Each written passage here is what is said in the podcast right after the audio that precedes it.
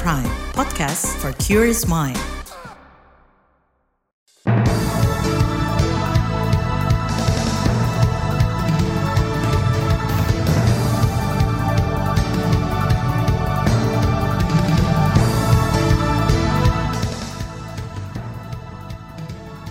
Selamat pagi saudara, berjumpa kembali melalui program Buletin Pagi edisi Rabu 1 November 2023. Saya Naomi Liandra.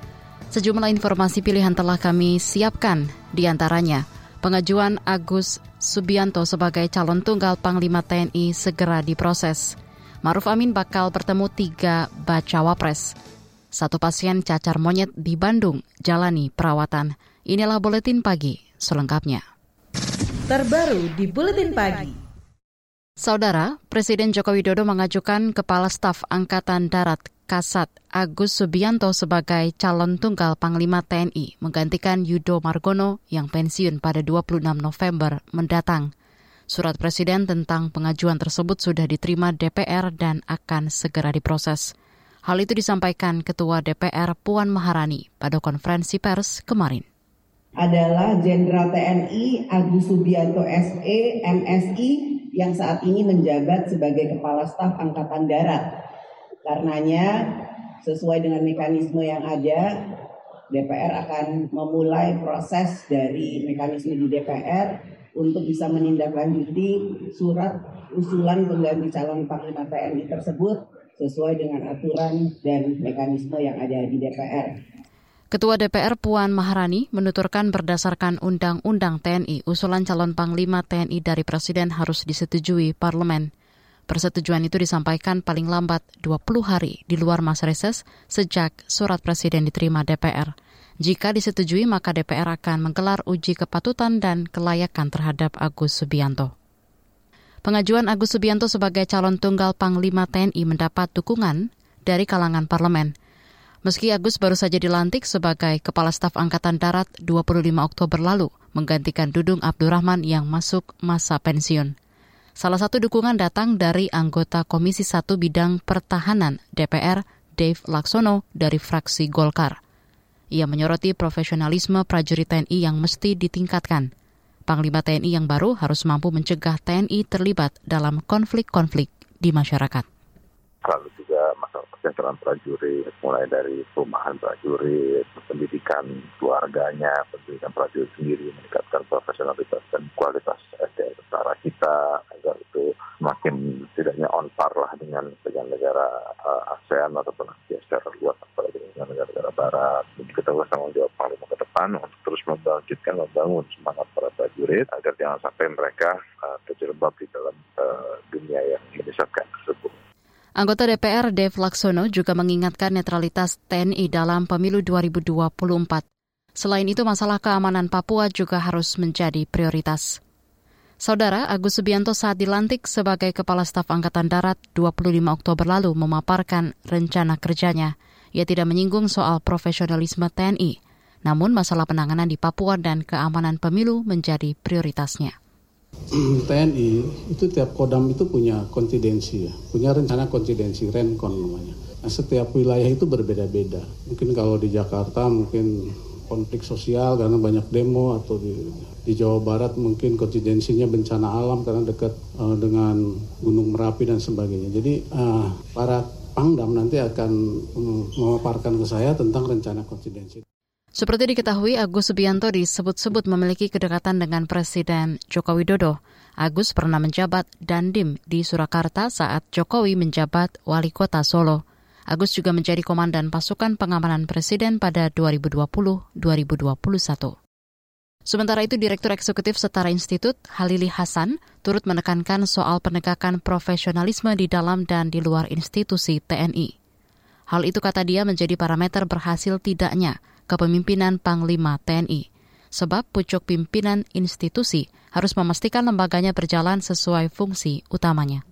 Kelembagaan TNI itu fungsi utamanya adalah untuk pertahanan dan keamanan negara. Jadi profesionalitas itu bisa dicek di situ. Kalau ke depan kemudian fokusnya tidak pada penguatan kelembagaan untuk melaksanakan fungsi, fungsi pertahanan dan keamanan, Sehingga dari situ kita bisa katakan bahwa profesionalisme TNI, profesionalitas TNI itu sebenarnya tidak diurus dengan baik oleh kelembagaan TNI.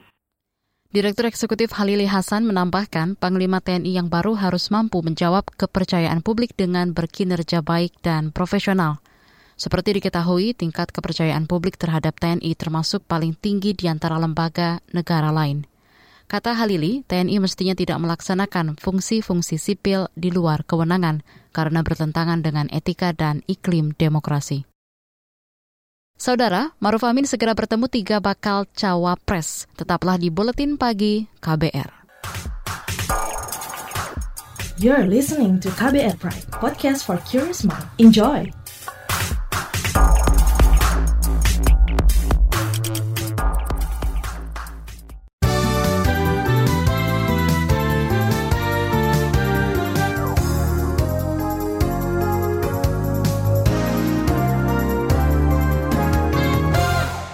Anda sedang mendengarkan Buletin Pagi KBR.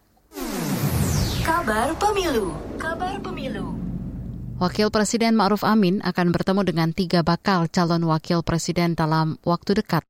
Kata dia pertemuan itu akan membicarakan dinamika pemilu 2024, khususnya upaya meredam konflik di masyarakat.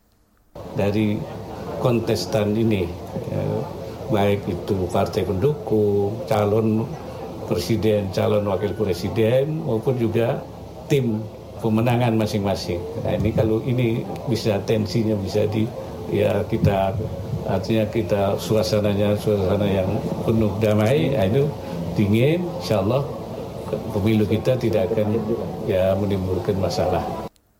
Wapres Ma'ruf Amin mengatakan waktu, waktu pertemuan dengan tiga bacawa pres, yakni Mahfud MD, Muhaimin Iskandar, dan Gibran Raka Buming Raka masih diatur. Sebelumnya awal pekan ini Presiden Jokowi telah mengundang tiga baca pres makan siang di Istana Merdeka, Jakarta. Masih soal pemilu, Menteri BUMN Erick Thohir menyampaikan dukungannya kepada Prabowo Subianto yang maju sebagai baca pres untuk Pilpres 2024. Itu disampaikan Erik usai menjamu makan siang Prabowo di rumahnya. Seperti diketahui, Erik sebelumnya digadang-gadang bakal menjadi pendamping Prabowo di Pilpres. Pak, terima kasih. Saya akan support Pak Prabowo ya, karena ini sesuatu kehormatan buat saya dan keluarga dan saya ingin menjadi bagian untuk Indonesia yang tentu lebih besar lagi, lebih maju lagi. Sementara itu Persatuan Purnawirawan PP Polri mendukung bakal capres Ganjar Pranowo salah satunya bekas Wakapolri Gatot Edi Pramono. Di lain pihak, Koalisi Perubahan mengklaim elektabilitas baca pres Anies Baswedan cenderung naik. Mereka menyinggung survei teranyar Indoriset yang mencatat elektabilitas Anies pada Oktober naik sekitar 1 persen menjadi 26,3 persen. Kita beralih ke informasi hukum. Ketua Mahkamah Konstitusi Anwar Usman menyerahkan kepada Majelis Kehormatan Mahkamah Konstitusi MKMK terkait usulan perombakan Hakim Konstitusi. Usulan itu dilontarkan rekan sejawat Anwar, Arif Hidayat. Setuju? Ya, apa kata MKMK? Bukan masalah setuju Ya. Kemarin, MKMK menggelar sidang dugaan pelanggaran etik terkait putusan MK soal syarat batas usia capres dan cawapres. Anwar Usman menjadi hakim konstitusi pertama yang dimintai keterangan. Pemeriksaan digelar secara tertutup. Sidang tersebut untuk menindaklanjuti belasan laporan yang mempermasalahkan putusan MK soal syarat batas usia capres dan cawapres. Kita ke informasi berikutnya. Penyelenggara pemilu, KPU, dan Bawaslu diminta menyepakati revisi ketentuan syarat bakal capres-cawapres pemilu 2024. Ini dalam rangka menindaklanjuti putusan MK. Hal itu disampaikan Ketua Dewan Kehormatan Penyelenggara Pemilu DKPP, Hedi Lugito.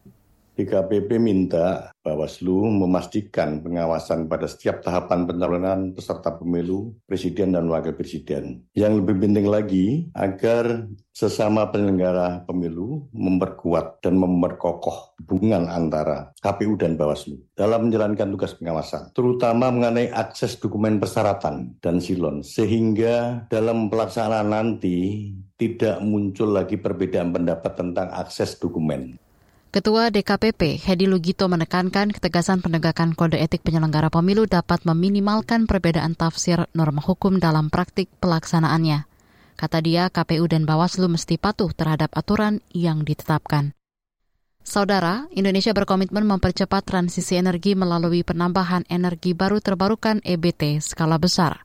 Hal itu disampaikan Presiden Joko Widodo saat membuka World Hydropower Congress di Bali kemarin.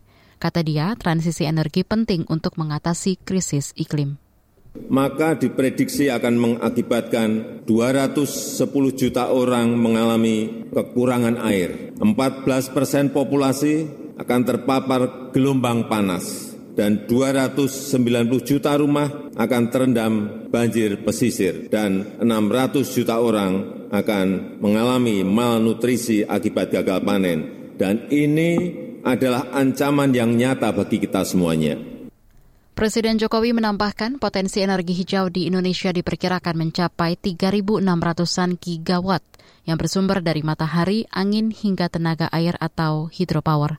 Potensi besar hidropower karena Indonesia memiliki ribuan sungai. Kita ke berita ekonomi. Pemerintah mengklaim stok pupuk mencukupi jelang musim tanam November mendatang. Menteri Koordinator Perekonomian Erlangga Hartarto menekankan kelancaran pasokan menjadi kunci mencegah kelangkaan hingga potensi lonjakan harga. Pertama, pupuk itu sebetulnya kita uh, tersedia barangnya, tinggal tentunya uh, penggunaan daripada pupuk yang disubsidi distribusinya sampai berapa. Nah tentu ini nanti akan uh, pemerintah akan lihat terutama uh, dalam uh, situasi seperti saat ini dan sebetulnya dalam situasi El Nino ini kami berharap bisa lebih musim kering ini bisa lebih singkat. Itu tadi Menteri Koordinator Bidang Perekonomian Erlangga Hartarto. Sebagai informasi, harga pupuk NPK subsidi dipatok Rp2.300 per kilogram dan urea Rp2.250 per kilogram. Sementara harga pupuk non-subsidi kedua jenis itu berkisar Rp8.000 hingga Rp12.000 per kilogram. Beralih ke informasi mancanegara. Rumah Sakit Indonesia di Gaza mendadak menerima gelombang pasien yang terluka parah akibat pengeboman yang dilakukan Israel pada hari Selasa. Dikutip Reuters, koridor rumah sakit menjadi ruang operasi darurat karena ruang bedah utama penuh. Selain itu, petugas medis di sana berjuang di tengah keterbatasan pasokan obat, pemadaman listrik, dan serangan udara atau artileri yang mengguncang gedung rumah sakit. Otoritas kesehatan di daerah kantong yang dikelola Hamas mengatakan lebih dari 8.000 orang telah terbunuh dalam serangan Israel termasuk 3 ribuan anak-anak. Bergeser ke India, sejumlah pemimpin oposisi India menuduh pemerintah mencoba meretas ponsel mereka setelah menerima pesan peringatan dari Apple. Dikutip dari BBC, sejauh ini belasan politisi oposisi telah mengonfirmasi bahwa mereka menerima pesan tersebut dari Apple. Daftar tersebut mencakup anggota parlemen termasuk Sashi Tarur dan Venugopal dari Partai Kongres. Pesan peringatan yang sama bahkan juga diterima beberapa jurnalis. Kita ke berita olahraga. Dua ganda putri Indonesia lolos ke babak 16 besar juara Halo Open 2023 yang berlangsung di Jerman. Apriani Rahayu, Siti Fadia, menang mudah atas pasangan kembar Ani dan Kerry dari Amerika 21-14, 21-10. Di laga lain, Febriana Amalia juga tak kesulitan meladeni wakil India Tanisa Aswini lewat laga dua game 21-15, 21-18. Di babak penyisihan kedua hari ini, sejumlah pemain ganda campuran Indonesia bakal turun. Di antaranya Praven Melati, Rehan Naufal, dan Dejan Gloria. Di bagian berikutnya kami hadirkan laporan khas KBR tentang paket BLT El Nino buat siapa. Tetaplah di Buletin Pagi KBR. You're listening to KBR Pride, podcast for curious mind. Enjoy!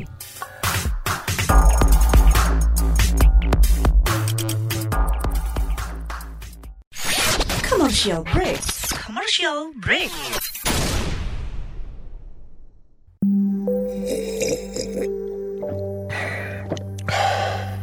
Yakin, cukup teh doang. KBR sore Siap menjadi teman sore hari kamu? Biar kamu gak kesepian. Dapatkan rangkuman perkembangan berita terpenting di sore hari dari bidang politik, ekonomi, sosial, budaya, dan olahraga dari dalam dan luar negeri. Simak KBR Sore setiap hari Senin sampai Jumat mulai pukul 16 di radio jaringan KBR seluruh Indonesia dan di kbrprime.id search KBR Sore.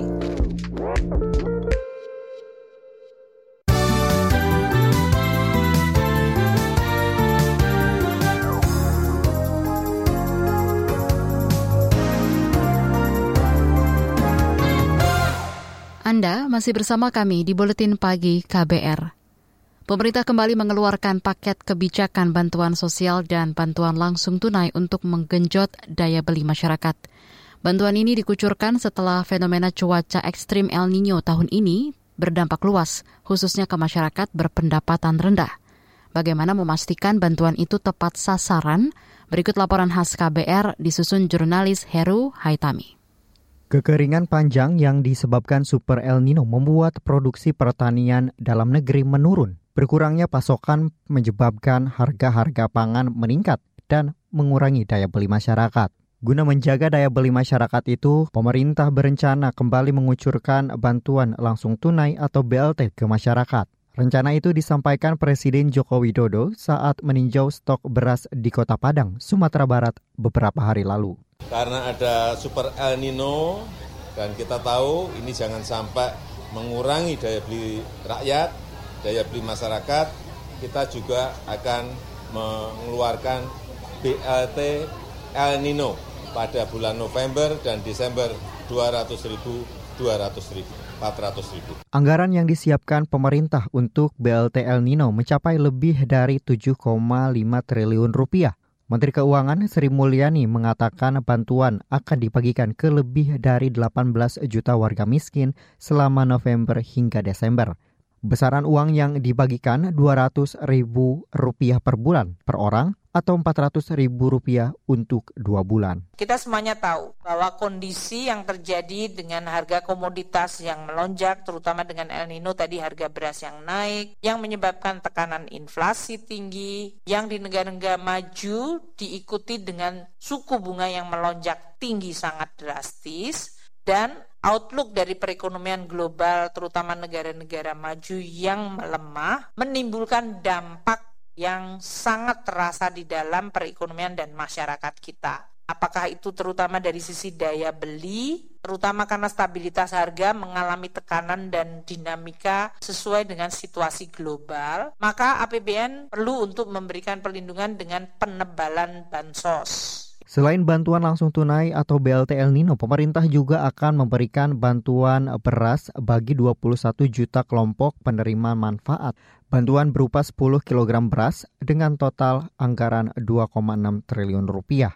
Menteri Keuangan Sri Mulyani berharap bantuan ini bisa menjaga daya beli masyarakat, menstabilkan harga, dan mengendalikan inflasi. Namun kalangan DPR menilai bantuan beras maupun bantuan BLT El Nino tidak cukup untuk mengatasi masalah yang muncul di masyarakat. Ketua Badan Anggaran DPR RI Said Abdullah mengatakan, masalah utama yang terjadi adalah ketergantungan Indonesia akan bahan impor, baik bahan pangan maupun minyak bumi. Menurut Said, Indonesia menghadapi masalah impor yang belum berhasil ditangani pemerintah selama hampir 10 tahun terakhir. Ia mengatakan turunnya produksi pangan akibat El Nino dan naiknya harga beras menyebabkan inflasi. Said menilai kondisi ini menunjukkan program pemerintah terkait pangan belum efektif. Di sisi lain, pemerintah juga masih dihadapkan masalah akurasi data penerima manfaat bantuan sosial. Direktur Eksekutif Lembaga Kajian Ekonomi Indef, Tauhid Ahmad mengatakan data yang digunakan pemerintah saat ini masih memasukkan kelompok masyarakat yang sebetulnya tidak termasuk kategori penerima manfaat bantuan. Saya kira pemerintah harus tegas mengeluarkan bentuk yang bukan miskin karena saya rasa ini sudah menjadi kebiasaan akhirnya mereka menggantungkan hidupnya dari bansos. Padahal yang kita inginkan kalau dana itu masih ada justru diberikan bagi yang belum dapat nih katakanlah yang benar-benar miskin dan masuk kriteria tapi belum terakses. Tauhid Ahmad mengatakan selain harus memperbaiki data penerima bansos, pemerintah juga mesti memperbaiki program-program yang terintegrasi pada satu sistem. Yang saya kira perlu diperbaiki adalah uh, kita program-program bansos tuh banyak banget gitu ya. Tetapi tadi ada yang dapat tiga, ada yang dua dan sebagainya. Saya kira perlu ada integrasi uh, untuk seluruhnya begitu jadi tidak ada kartu-kartu yang berbeda banyak sekali membuat uh, sepertinya tidak ada uh, manajemen yang baik dalam konteks uh, bansos ini. Demikian laporan khas KBR, saya Heru Haitami. Informasi dari berbagai daerah akan hadir usai jeda. Tetaplah bersama Buletin Pagi KBR. You're listening to KBR Pride, podcast for curious mind. Enjoy!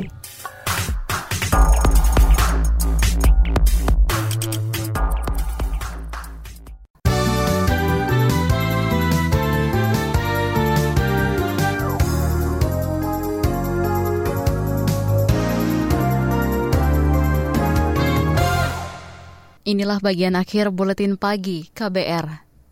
Saudara Rumah Sakit Hasan Sadikin Bandung, Jawa Barat merawat seorang pasien pria berusia 36 tahun yang positif terjangkit cacar monyet.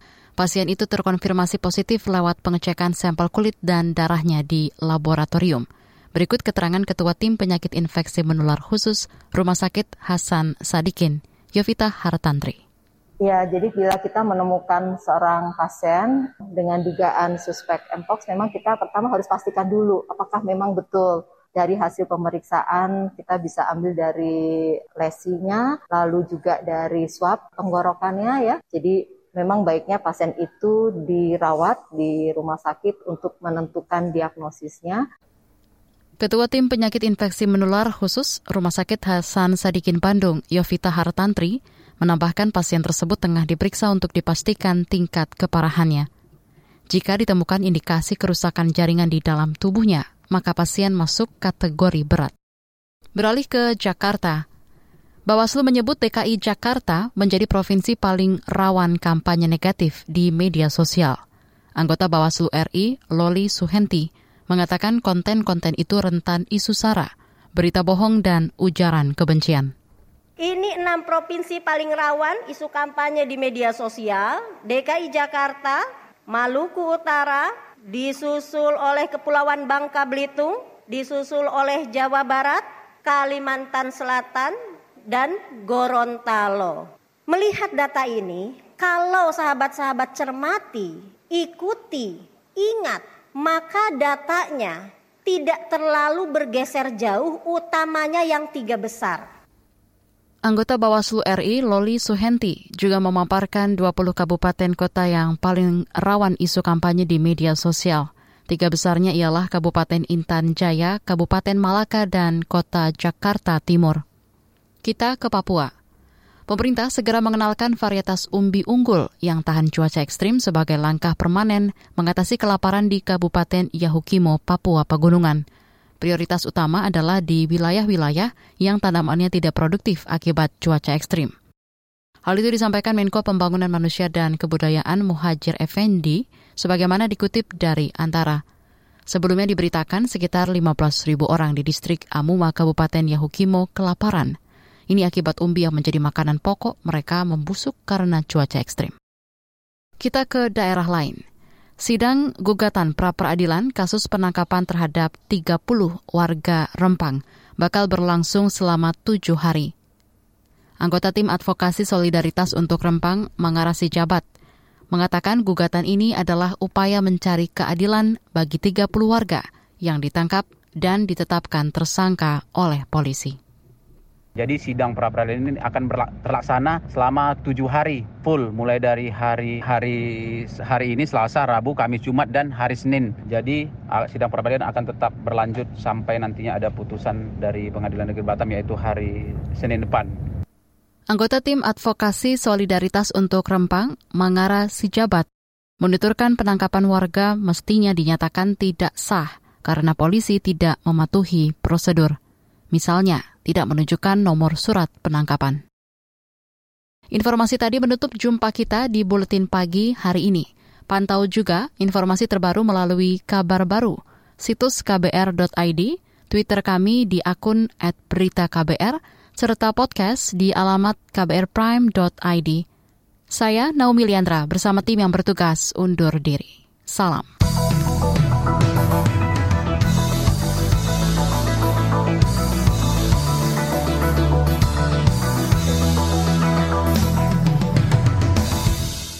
KBR Prime, cara asik mendengar berita. KBR Prime, podcast for curious mind.